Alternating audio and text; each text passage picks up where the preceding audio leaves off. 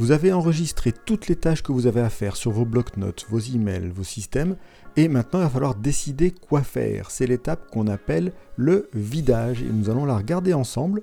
Bienvenue, vous êtes sur J'ai pas le temps pour ça, le podcast qui vous propose en moins de 3 minutes de parcourir ensemble des méthodes, des outils, des trucs, astuces pour être mieux organisé, plus efficace et plus tranquille à la fin de la journée et je suis Eric Boucher qui vous propose ce podcast.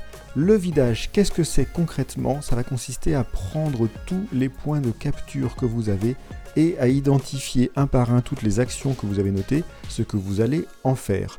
Quand je parle de points de capture, ça peut être aussi bien votre cerveau car vous avez mis dans la tête des choses à faire, un bloc-notes papier, votre ordinateur, votre téléphone, vos différentes boîtes de réception, tous ces points de capture, et vous allez regarder ce qu'il est nécessaire de faire ensuite, est-ce qu'il faut agir sur cette action, est-ce qu'il faut la classer, la planifier, la déléguer, la jeter, etc. etc.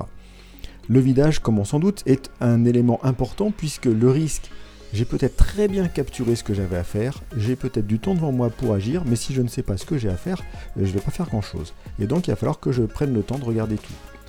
Pour bien faire notre vidage, Francis Wade, l'auteur de Productivité Parfaite, nous propose de regarder trois éléments.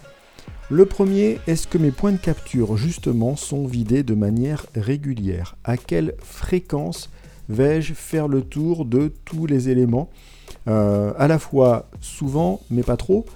On va pas forcément regarder les mails toutes les 5 minutes, c'est contre-productif, et ça risque de vous mettre en plus dans un état de stress en réalisant toutes les choses auxquelles vous devrez répondre plus vite mais néanmoins, il va falloir regarder quand même votre boîte mail de manière régulière pour répondre à vos engagements.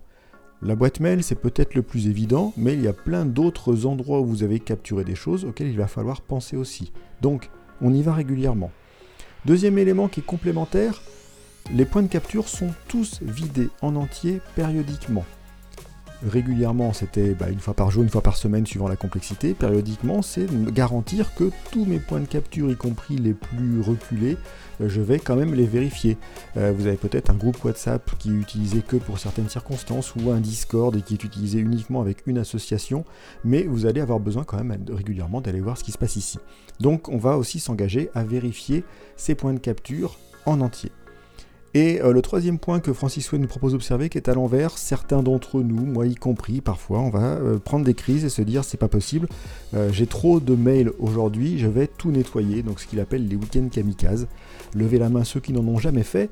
donc ça va consister à prendre une heure, deux heures, un week-end pour nettoyer correctement la boîte mail, jusqu'à la prochaine fois bien évidemment.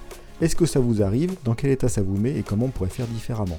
Voilà le vidage, les trois minutes sont passées, c'est à vous de jouer.